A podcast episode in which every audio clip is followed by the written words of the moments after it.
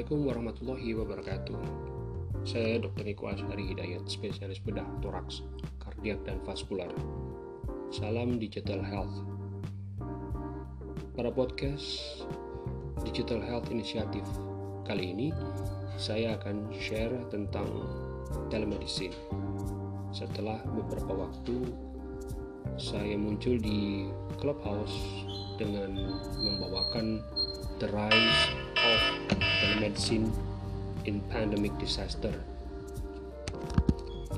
Yang saya mau share adalah pertama tentu saya mencoba mendefinisikan telemedicine atau telehealth tentu beberapa literatur salah satunya yang paling utama adalah tentu kita belajar dari World Health Organization atau WHO disebutkan adalah the delivery of healthcare services where distance is a critical factor by all healthcare professionals using information and communication technologies for the exchange of valid information for diagnosis, treatment, and prevention of disease and injuries, research and evaluation, and for the continuing education for healthcare providers, all in the interest of advancing the health of individuals and their communities. Jadi adalah untuk uh, mengupayakan atau memastikan layanan kesehatan itu uh, di mana jarak itu menjadi faktor yang yang cukup uh, berperan dan healthcare profesional seperti dokter, perawat, tenaga medis lainnya menggunakan informasi dan komunikasi dalam upayanya di teknologi untuk mempertukar informasi untuk kemudian bisa menegakkan diagnosis, kemudian menjalankan uh, terapi, bahkan untuk pencegahan dari suatu penyakit maupun uh, cedera. Tentu hal yang lain juga bisa merupakan uh, tools untuk penelitian dan juga uh, evaluasi. Dan pada definisi dari Kementerian Kesehatan Republik Indonesia telemedicine atau telehealth ini uh, setidaknya ada lima poin yang disebutkan yaitu pelayanan kesehatan yang dilakukan oleh dokter di mana artinya ini adalah sentralnya uh, dokter karena ada item tentu ada telekonsultasi barangkali. Kemudian yang kedua adalah dengan menggunakan teknologi informasi dan komunikasi tentu karena merupakan uh, teknologi yang uh, berfungsi atau uh, berjalan dengan uh, jarak jauh. Kemudian yang ketiga adalah untuk mendiagnosis, mengobati, mencegah, dan atau mengevaluasi kondisi kesehatan pasien. Keempat adalah tentu sesuai dengan kompetensi dan kewenangannya yang dibuktikan dengan surat tanda registrasi. Kelima, dengan tetap memperhatikan mutu pelayanan dan keselamatan pasien.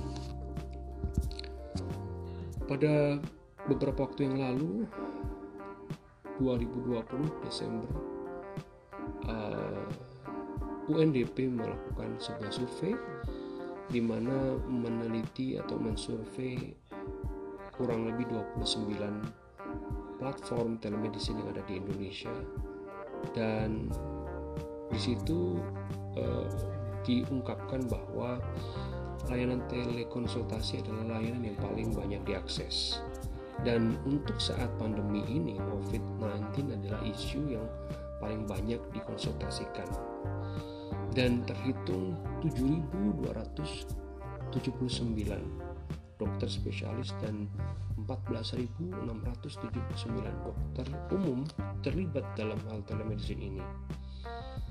Dan paling banyak diakses oleh orang yang berpendidikan S1 dan 63% diakses oleh jenis kelamin wanita. Dan pada saat pandemi ini, peningkatan kunjungan pada layanan telemedicine ini meningkat 50%. Berdasarkan provinsi, Jakarta adalah pengguna tertinggi yakni 23,3% dibandingkan dengan Jawa Barat 20%, Jawa Timur 18%, kemudian ada Jawa Tengah 16%, Sumatera 11% dan kemudian Bali 9,3%. Dan kalau dari usia disebutkan telemedicine ini digunakan paling banyak rentang usia 31 hingga 50 tahun. Tentu yang bekerja sama dengan UNDP adalah Asosiasi Telemedik Indonesia atau biasa disebut Atensi di mana ini adalah menaungi perorangan maupun institusi yang melakukan layanan telemedicine dari tahun 2014 sampai dengan 2021 sebanyak 29 sampai 30 uh, PLT yaitu penyelenggara layanan telemedicine. Atensi ini memiliki tujuan eksternal yaitu untuk meningkatkan status kesehatan masyarakat Indonesia dan tujuan internalnya adalah menyelenggarakan pelayanan kesehatan yang terstandar. Dan atensi ini bekerja sama dengan Kemenkes dan juga uh, untuk komunikasi informasi dan edukasi terkait coronavirus uh, 19.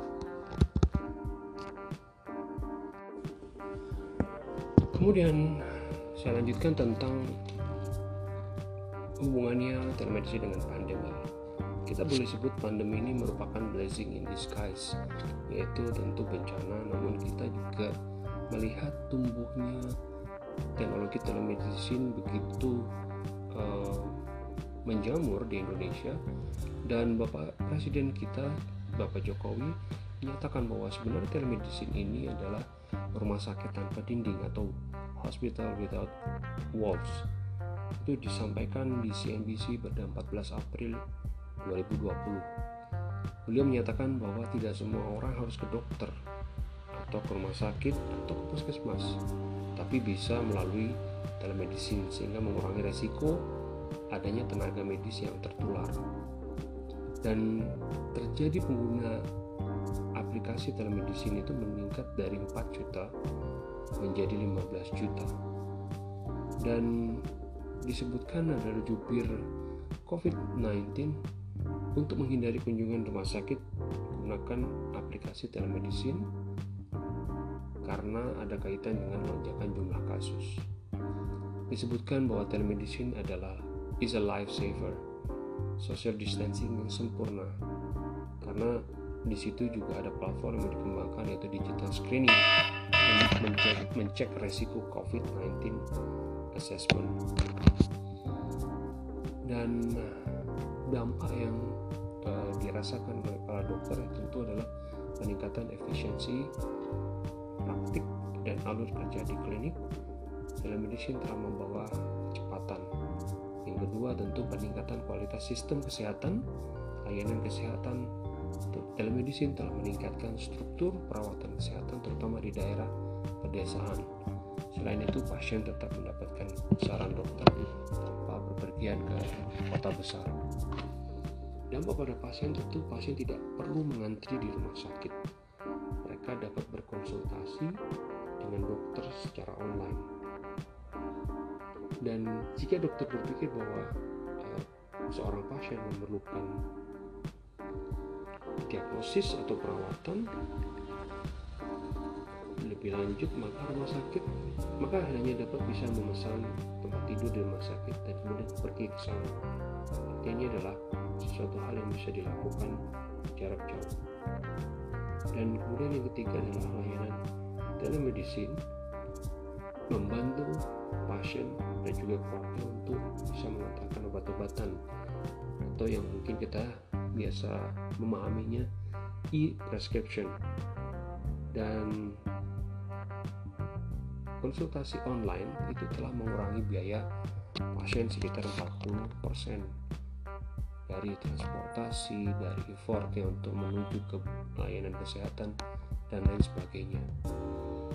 Nah, bila kita kembali ke konsep digital health, infrastruktur internet itu tentu harus memadai. Fasilitas internet, kolaborasi dengan tenaga kerja kesehatan, kemudian ada startup atau mungkin komunitas, dan tentu Vaskes memegang hal penting dalam hal ini. Dan keintegrasian dalam telemedicine juga diperlukan yaitu komputerisasi, kemudian juga tenaga medis yang menguasai dan paham akan literasi teknologi. Yang terakhir adalah tentu electronic medical record di mana sistem informasi terintegrasi. Kerahasiaan data pasien juga tidak boleh diabaikan dan tentu kedaulatan data. PBID dalam hal ini pun concern dalam hal telemedicine ini mengingat jumlah rasio antara dokter dan penduduk di Indonesia masih berkisar antara 1 banding 1522 bila dibandingkan dengan negara tetangga misalnya Malaysia 1 banding 640 artinya memang satu orang dokter Indonesia masih merawat cukup banyak pasien. Sehingga overloaded itu yang coba diatasi salah satunya adalah dengan telemedicine. Dan memang WHO uh, mengeluarkan guideline pada digital intervention for health system strengthening yaitu adalah electronic health yang ini adalah bagian dari tentu telemedicine technology untuk mensupport uh, layanan kesehatan di uh, berbagai negara. Nah, pada tahun 2014, 61,05% penduduk Indonesia itu sebenarnya melakukan swab medikasi atau pengobatan diri sendiri.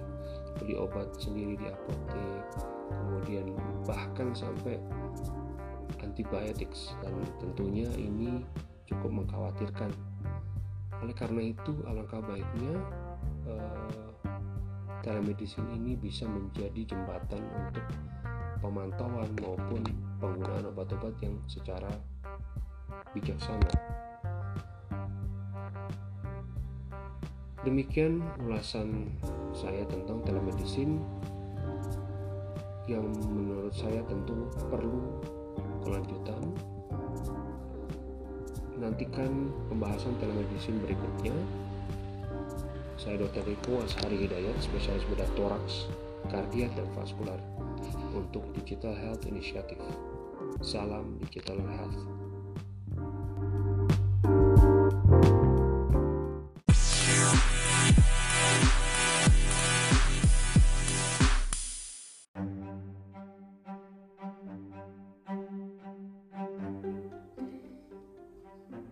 Assalamualaikum warahmatullahi wabarakatuh.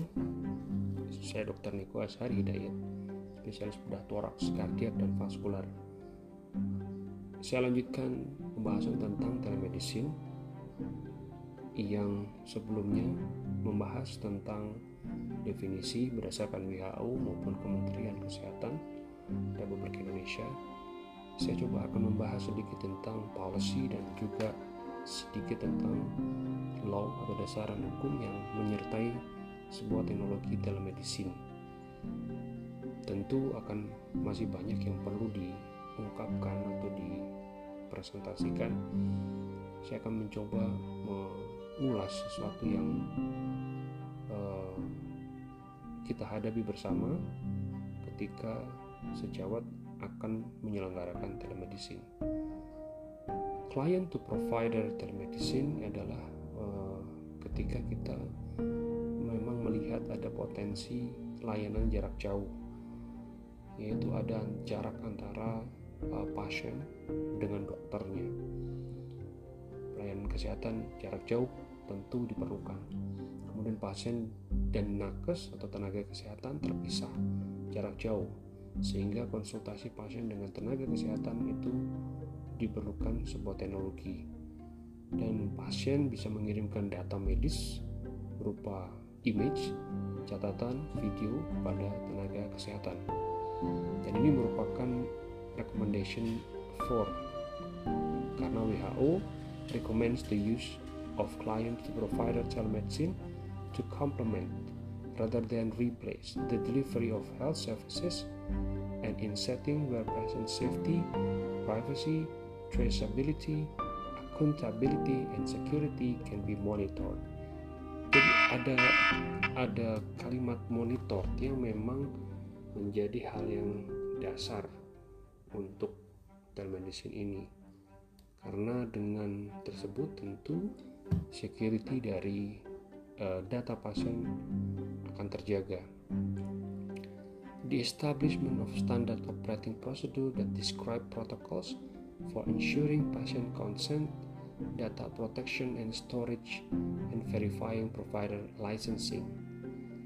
Jadi dalam hal ini uh, memang storage dari data dan juga provider yang terverifikasi itu diperlukan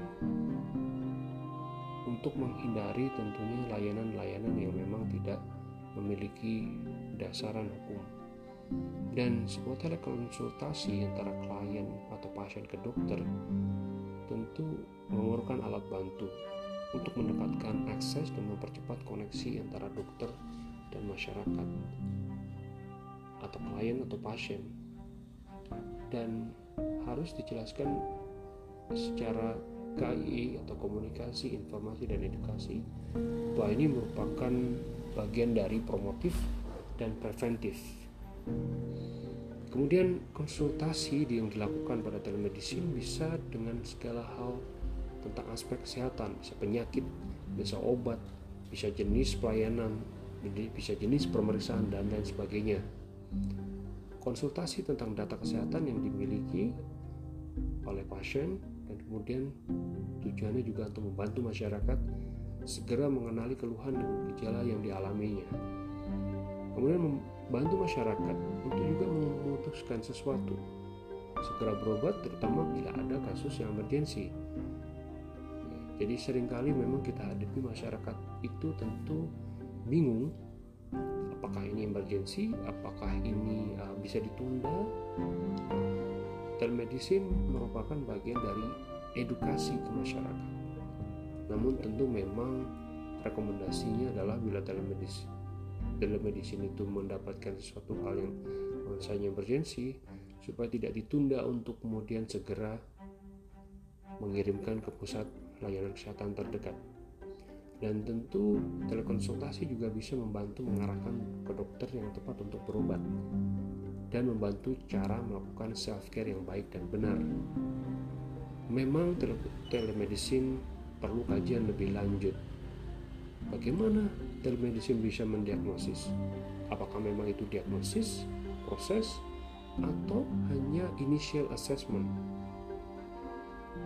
My personal opinion tentang ini, sebenarnya telemedicine hanya bisa initial assessment karena empat prosedur pemeriksaan itu tidak dilakukan secara lengkap, yaitu adalah inspeksi, palpasi, perkusi, dan auskultasi. Bisa jadi kita hanya bisa melakukan inspeksi karena kita melakukannya dengan video call barangkali. Tapi untuk palpasi dan perkusi, bahkan auskultasi tentu kita tidak bisa lakukan. Artinya untuk menegakkan diagnosis, tools yang kita gunakan tidaklah lengkap. Artinya memang secara bijaksana dokter memahami bahwa ini bukanlah diagnosis klinis. Namun bila ini merupakan initial assessment atau assessment awal saja yang kemudian mengarah kepada pemeriksaan selanjutnya, pemeriksaan penunjang barangkali atau pemeriksaan fisik misalnya, itu bisa dilakukan selanjutnya. Dan apakah telemedicine ini bisa memberikan atau meresepkan obat? Tentu uh, ini menjadi hal yang juga masih diperbincangkan bagaimana meyakinkan bahwa ini merupakan uh, delivery atau komunikasi yang uh, selama ini secara konvensional sudah terjadi antara dokter dengan farmasis? Apakah ini menjadi komunikasi yang tertutup aman atau justru potensi untuk diintervensi? Gitu. Termasuk juga pengirimannya. Bagaimana cara pengemasan obat supaya tidak eh, berkurang atau berlebih atau rusak saat pengiriman. Dan ketentuan praktek dokter tetap muka berdasarkan pasal 35 dalam kurung 1 Undang-Undang Praktek Kedokteran dokter atau dokter gigi yang telah memiliki surat tanda registrasi mempunyai wewenang untuk praktek kedokteran sesuai dengan pendidikan dan kompetensi yang dimilikinya yaitu terdiri dari mewawancarai pasien, memeriksa fisik dan mental pasien, menentukan pemeriksaan diagnosis, pemeriksaan penunjang maksud saya dan penegakan diagnosis, menentukan penata laksanaan dan pengobatan pasien, melakukan tindakan kedokteran atau kedokteran gigi, menulis resep obat dan alat kesehatan, menerbitkan surat keterangan dokter atau dokter gigi, menyimpan obat dalam jumlah dan jenis yang diizinkan, dan meracik dan menyerahkan obat kepada pasien bagi yang praktik di daerah terpencil yang tidak ada apotek. Artinya, sebuah praktek dokter ketentuannya adalah seperti yang saya sebut barusan. Pertanyaannya apakah telemedicine memenuhi ketentuan itu? Pada tahun 2020 ada surat edaran dari Kementerian Kesehatan tentang penyelenggaraan layanan kesehatan melalui pemanfaatan teknologi informasi dan komunikasi dalam rangka pencegahan penyebaran coronavirus disease 2019 atau COVID-19.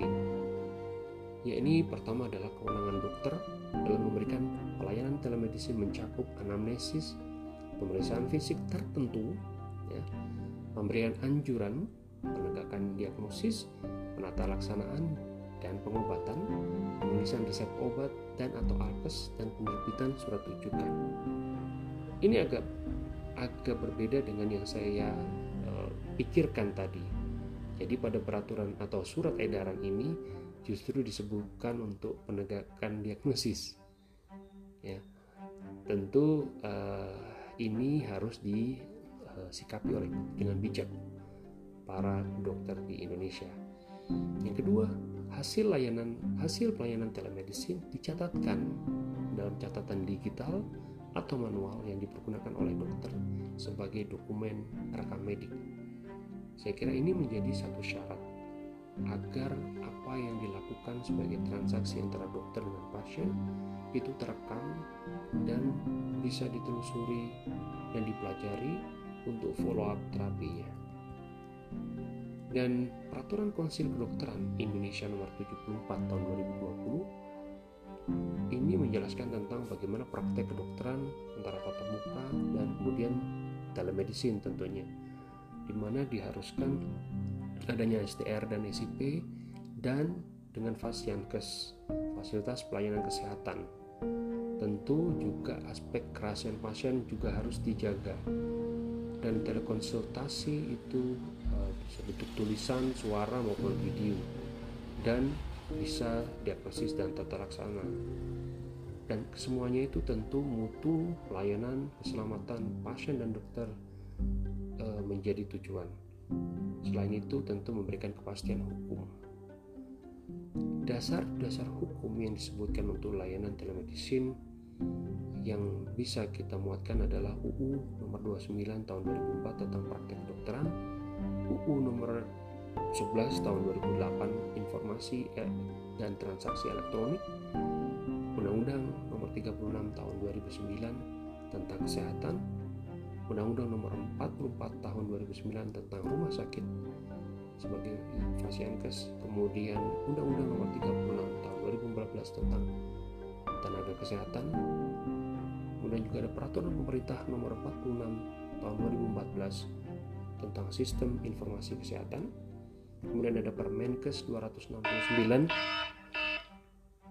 garis miring Menkes per 2008 tentang rekam medis. Permenkes 82 tahun 2018 tentang jaminan kesehatan. Kemudian ada Permenkes 1171 2011 tentang sistem informasi rumah sakit. Kemudian tentang ada juga SK Menkes. HK.0107 Menkes garis miring 650 garis miring 2017 dan SK Menkes uh, nomor HK titik 0107 garis miring Menkes Menkes garis miring 454 2018 tentang rumah sakit dan puskesmas penyelenggara uji coba program pelayanan telemedicine.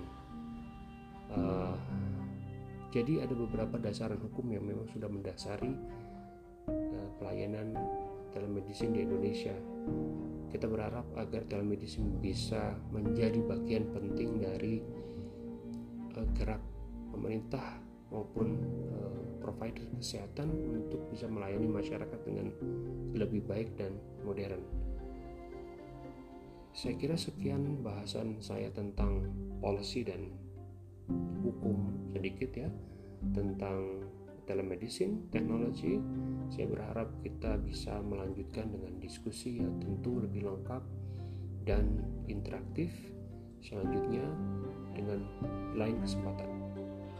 Saya Dr. Niko Asari Hidayat, spesialis bedah toraks, kardiak, dan vaskular untuk Digital Health Initiative. Selalu salam Digital Health.